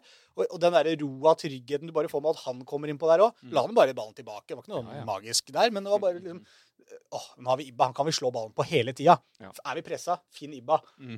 Og så tror jeg faktisk Nodderud er, en, er en kanskje bedre hjemmebane for Lyn enn en Bislett, for den, den er litt, litt breiere. Og brei bane, det kler dette Lyn- Lynlaget. Og det har de slitt litt med på Klaga litt med Bislett, at den er egentlig litt for liten, liten for dem. Ja. For de har, de har veldig bredde i spillet sitt. Så Nadderud er et godt tips for Ja, de får kanskje ikke spille her neste år. Men, eh, Nei, ikke sant? Men så, og, så syns jeg det er verdt å nevne Vi som jo tross alt er en Oslo-fotballpodkast, og syns jo at eh, bønder er noe bønder. Eh, altså For de der stakkars Hud-folka som har tapt og tapt og tapt seg gjennom hele Hopos-ligaen. Og så kommer de ned til nedrykkskvalik mot liksom et andredivisjonslag, og så får de 3-0 i trynet i første omgang, til og med. Var det ikke det?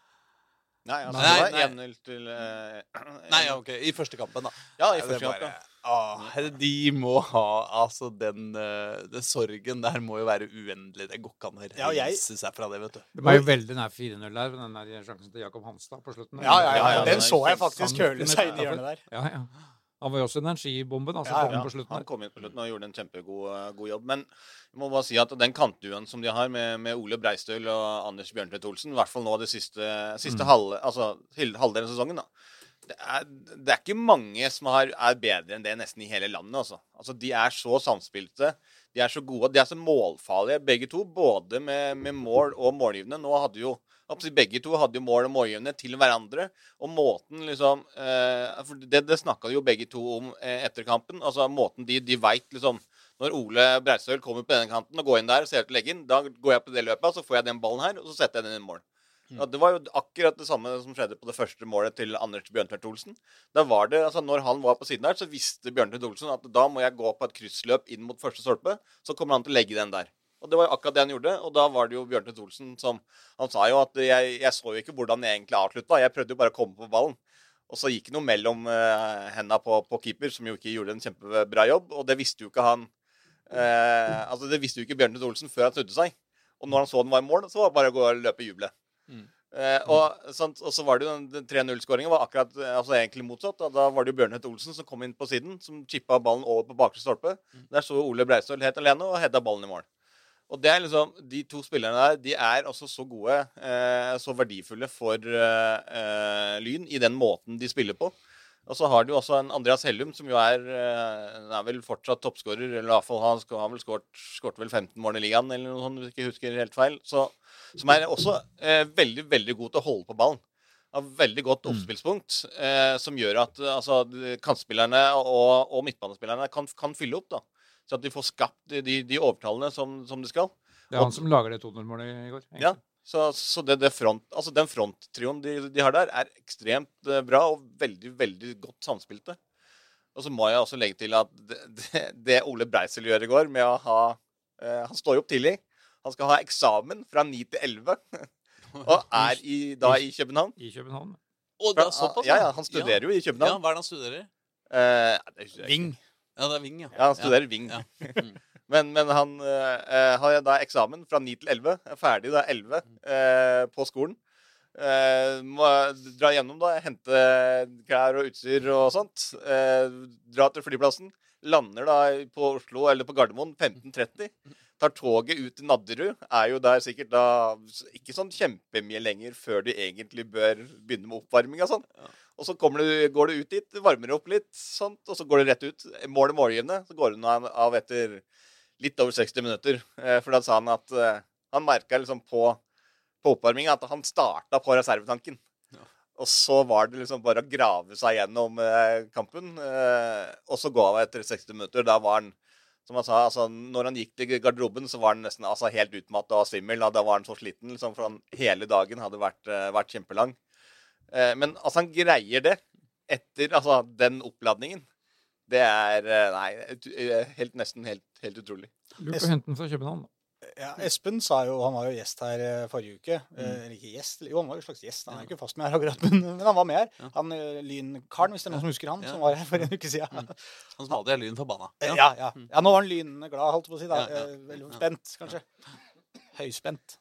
Han, eh, eh, han Vi møtte han jo i kantina her nå, og, og da sa jeg til han at eh, nå, nå går det Men da var jo han fortsatt litt nervøs, ikke sant? for at uh, man skal rote det til uh, borte mot, uh, mot Hødd. Det er altså, det eneste scenarioet jeg kan se for meg hvor Hødd skal klare å, å ta dem igjen. For det er, det er jo ikke noe umulighet at Lyn snubler. Det har skjedd før.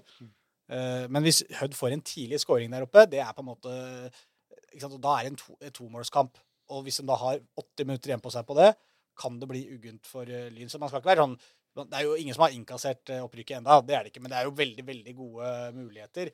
Og jeg tror at hvis Lyn eh, drar opp der, eh, klarer å ha den samme roa, og ikke minst ha tålmodigheten det er det som blir nøkkelen her. For Hød, Hvis de klarer å gjøre Hødd utålmodig, at Hødd begynner å gå litt høyere i presset, de er nødt til å få noe ut, ikke kan ligge så defensivt som Hødd vanligvis kanskje liker, eh, kan de fort få rom å eh, kose seg i, og kan få en scoring som dreper fullstendig for, for Hødd. Eh, Så tålmodighet tror jeg blir litt nøkkelordet for, eh, for Lyn der oppe. De har ingenting de skal bevise nå. Og, og det, det har jo egentlig Det har de vært så gode på hele sesongen nå. De har jo ikke, ikke prøvd å vise fram noe som helst denne sesongen. De har gjort jobben hver eneste runde. Vi har snakka om det mange ganger, at det er jo lag i den andre divisjonen som spiller mye finere fotball, skårer mye flottere mål. Men Lyn vinner. De tar trepoengere hele tiden. Jan Halvor Halvorsen ikke sant, som vi har sagt, han er ikke her for, at, for å vise fram et herlig fotball, en herlig fotballkamp hvor det er liksom svinger, og det er åpent, og det er fullt kok. Jeg er ikke helt enig. Det er, ikke- det er ikke mange andre lag som spiller finere fotball enn Lyn. Nei, men ikke sånn eh, Ja, de skårer noen fine mål, men jeg syns ikke det er sånn at det er liksom, de valser over motstandere og er liksom helt uh, King Kong. Jeg, I hvert fall de kampene jeg har sett, så, så har det vært ganske jevnt Det er, hele ingen, veien. det er ingen som har tatt seg sånne endinger med Aldo. Sånn, Nei, nei, nei, nei, nei. Bjørn Fedinho. Ja, ja, for eksempel. Ja. Det er riktig.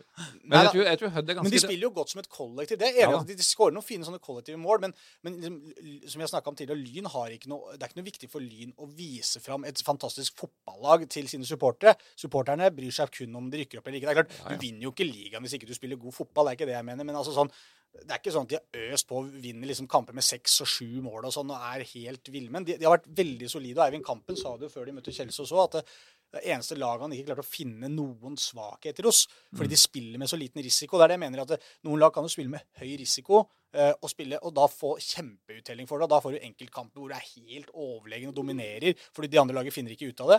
Men Lyn spiller med ganske lav risiko. eh, og Da er det lite, lite feil motstanderen kan ta dem på. Du må rett og slett heve kvaliteten på det du gjør selv, til å være høyere enn det Lyn eh, driver med. og Det, det har, er det veldig få som har klart. Og det mener jeg når de kommer opp der skal møte Hødd. Tålmodige og bare stole på at det, det er eh, godt nok. Og at Hødd skal klare å finne de åpningene eh, bak der i, hos Lyn som de fleste laga andredivisjon ikke har klart. Det, altså Hødd er ikke bedre enn majoriteten nesten av laget i andredivisjon til å spille offensiv fotball mot etablert, uh, mot etablert forsvar.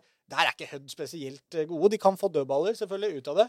Og de får de lange innkastene sine. og lange innkastene, ja. De har skåra 16 mål på 15 hjemmekamper. Det er jo ikke veldig imponerende. Det er bare Skeid som er dårligere.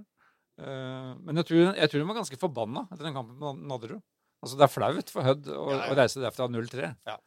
Eh, så jeg tror liksom tenningsnivået deres på lørdag De har jo ikke gitt opp. Nei. på ingen måte. Nei, nei. Altså, det er jo som du sier, Hvis du får, får et tidlig mål, så blir det en sånn en helt egen, egen kamp. Ja. Og, men det er det å få regulert et tenningsnivå da, som, som jeg tror Lyn klarer å håndtere helt fint. ja og, hvis For du, de er vanskelig å skåre på. Og hvis du snur på det, da Vi sitter jo nå med litt lynbriller på ikke sant? og så tenker sånn Uff, kan være farlig fremdeles, på en måte. Kan være at dette ryker eh, hvis man får en tidlig mot. Altså. Men hvis vi hadde sittet her nå og vært en podcast, en Hødd-podkast, så Vi hadde kan, vi jo vi kan prøve. Ja, så kan vi, ja, vi kan jo prøve. er. Men da hadde vi jo Glem Snakker dem der oppe igjen? Det er tungt. eh. Har- Hareid og Ulsteinvik og Karsten Warholm. det det er tungt ut. Dette her eh, greiene. Det er greiene her. Er Karsten Warholmland. Ja. Tape 3-0 mot Lyn. Stre- Steike forbanna elendig opplegg. Men nå skal de kjøre båt, håper de er sjøsyke eller når de kommer opp hit. Dette er vel Ja, det- Reidar, for at du skal begynne å eh, runde av, eh, runde av sendinga. Men, men jeg bare mener, hvis du snur på det, da, eh, så må du sitte, hvis du er journalist oppi der, og tenke hvordan i all verden skal Hødd klare å snu på dette her, som du sier også, Reidar, med den statistikken og det de har gjort på hjemmebane denne sesongen. Ja, det er greit at hele landet til enhver tid, som har vært min kjepphest, av en eller annen grunn skal frykte Hødd borte, at det er den tøffeste kampen i ligaen. Det sier alle. Det er drittøft å komme dit. Du taper stort sett hele tiden. Og det er ikke alltid det blåser engang. Jeg Er ikke, er ikke Bamsegutt fra Hødvold? Nei, kanskje ikke. Nei, han er Sandnes. Sandnes. Litt lenger sjøl, da. Da tar vi ikke Da er det blytungt for Ulsteinvik. Nei, 3-0 men var- mot Lyn og Bamsegutt har kommet hjem. om Hvis kunne ha Bamsegutt som gjest, så det vært noe, men da lar vi det ligge. jeg. Ja, det Faen kunne fått gode lyttertall i hvert fall. da. Kan ikke du ta de to siste episodene, Bamsegutt, for den, den de har ikke vi fått med oss. Ja, nei, Det var kanskje en digresjon. Ja. Nei, det blir vanskelig her for uh, Hødd. Jeg tror ikke, tror ikke jeg klarer det her mot Lyn. Nei, men eh, ja, Er vi ferdige, da? Lang innkast. Jeg tror kanskje vi sier vi er ferdige nå. Men skal vi nevne, skal vi nevne vinterserien, da? Vi må nevne Obos Superligaen. Ja, for vi er jo tross alt, vi er jo tross alt lokal podkast, hva er det vi kalte det? Absolutt. Uten Bamsegutt. Og da er det uh, Skeid og Grorud som har satt i gang en vi- organisert en vinterserie, faktisk. Ja. Hødd er ikke med. Hødd er ikke med der. Nei. Og det er jo da noe som de skal Istedenfor at alle var i bale med sine treningskamper, så har, da, har de samla 13 lag Ja. Det, det såkalte Stor-Oslo. Som ja. skal spille en cup i januar, februar, mars. En slags mars. Royal League for uh, Ja, innenlands. sånn, ja, in, Royal, Royal inn League for lavere lavere nivåer. Ja. Så det, det blir gøy. Det eneste som er litt Ja, du kan jo ta lagene som er der. eh, Det er jo Det er Skeid Grorud som da er eh, offisielt arrangører av dette her. Mm, så er det Arendal eh, har, har blitt med. Eidsvoll Turn, som rykka opp uh, i andre divisjon. Nordstrand og Thomas Holm. Ullkisa, Lørenskog, Bærum, Oppsal eh, fikk komme seg hjem på slutten her. Ja, skjønte fikk sneke seg inn på, på tampen der. Oi, oi, oi. Frigg skal være med. Ullern, Gjelleråsen og Asker. Eh, Det som er litt påfallende, er jo da at eh, Kjelsås eh, sannsynligvis hever seg over dette her. Mm. Jeg tror de vil ha sterkere motstand i oppkjøringa. Og nyopprykka Follo var også meldte seg av dette greiene her. Ja. Men resten, resten skal ha Men dette høres moro ut. Er det, er det sånn derre Det er to, to grupper i innledningen, og så er det semifinaler og finale. Men er det liksom spilles det Er det, er det kompakt eh, serie, dette, eller er det Det kampoppsettet er ikke satt opp ennå. Det det er fra slutten av januar Det til ja. midten av mars. Ja, det så blir det er såpass, altså, det blir halvannen måned, liksom. Ja, Det er ikke ja. sånn der eh, langhelg eh, med Nei, kamper hver dag-opplegg. Nei. Så gøy, da. Så- Ja, det Det blir høres gøy ut, ja. Det blir I hvert fall hvis Oslo-laga vinner. da Jeg greier jo, greier jo ikke å vekke så mye entusiasme for en finale mellom, eh, mellom Arendal og Ullensaker. liksom Nei. Det er riktig. Det er, det, er, det er litt det også, fordi vi så vel på det ene oppsettet eh, der. Altså, det var Det er jo ganske mange kamper her som ikke er involverer Oslo-lag. Så det også er jo litt sånn eh, For å ha en sånn turnering, så er det vel ikke så veldig mye lokaloppgjør. For det var ikke så Altså Det er jo en god del lag der som vi ikke bryr, bryr oss om. Men, men dere, er det, er det, er det låst uh, ligasponsor, eller? Altså, det hadde jo vært hyggelig. For denne cupen? Ja. Det er Obos. ja. Og det er Obos, Obos ja. setter opp en Ja. penge- Ja, til Så vi- så vi kan ikke- Så vi kan ikke kjøpe oss inn og kalle den for Trikkeligaen, liksom? Vi har vel fortsatt ikke musklene til å matche Obos. Nei, det Nei, det er ikke mye om å Nei, gjøre. det altså. er et par der sesonger snakker vi marginer. da. Ja, ja. Nei, men topp, da. Da gleder vi oss til det. Uh, ja, for da stenger de snart på Intility, så vi må opp der og snakke. Vi skal, vi- skal snakke med folk for den søndagens mye omtalte kamp. Så må vi stikke opp der snart. Topp. Hareid endte på sjuendeplass i fjerdedivisjon. Sunnmøre. Hva, hva het Haugesund? da? Hareid. var? Hva, hva? Nå er jeg spent på refer Det er ingen relevansen. annet. Nei, det var vi var ikke på Hareid, Ulsteinvik og Hareid og naboklubben, ikke sant? Ha da! Vi skulle ikke du si noe? Jeg, jeg, straffa innom Haugesund, for det Haugesund har i Stabæk på søndag. Ja. Som er, kan bli en avgjørende kamp for Vålerenga. Ja. Og så skulle du si noe om Vard da, for det, det, var jo Haugesund i gamle dager. Men nå er det jo Haugesund. Men Vard Haugesund fantes jo ikke i 1975. Hva Sånn. Gjorde de vel? Gjorde de det? Det var jo Vard som var i cupfinalen, jo. Ja, hva var det jeg sa for noe? Ja, Haugesund fantes ikke. Nei, Haugesund FK fantes ikke. Nei. Nei. Men Vard Jerv 1919, Haugar og Vard, Ja, de fantes nok alle sammen. Da gikk vi i ball på slutten her, men sånn det får være er. Men da vi fikk vi nevnt cupfinalen. Nei, men det er altså, jeg syns det er hyggelig. Så da, Da fikk vi nevnt cupfinalen, da. Ja, det er bra. Sånn 75 var det jo alltid men altså, du har alltid nevnt at bare Arne Hansen var målskårer. Men Nei, det er du som, men- var du som lærte meg det. Han skåra ett. Ja, Solhaug skåra jo ja, første. selvfølgelig. Vi må ikke glemme det. Ble 2-0? 2-1? Det ble 12-0. ja. Vard. 2-0? Bodø-Glimt Vard 2-0. Ja. ja. Det er vi enige. Det Men ble tap for Vard, vet du. Vard vant jo ikke engang. Men Haugesund De kom i slår 1993. Stabæk og berger plassen til Vålerenga. Topp. Da sier vi sånn. Okay. Ha det! Ha det.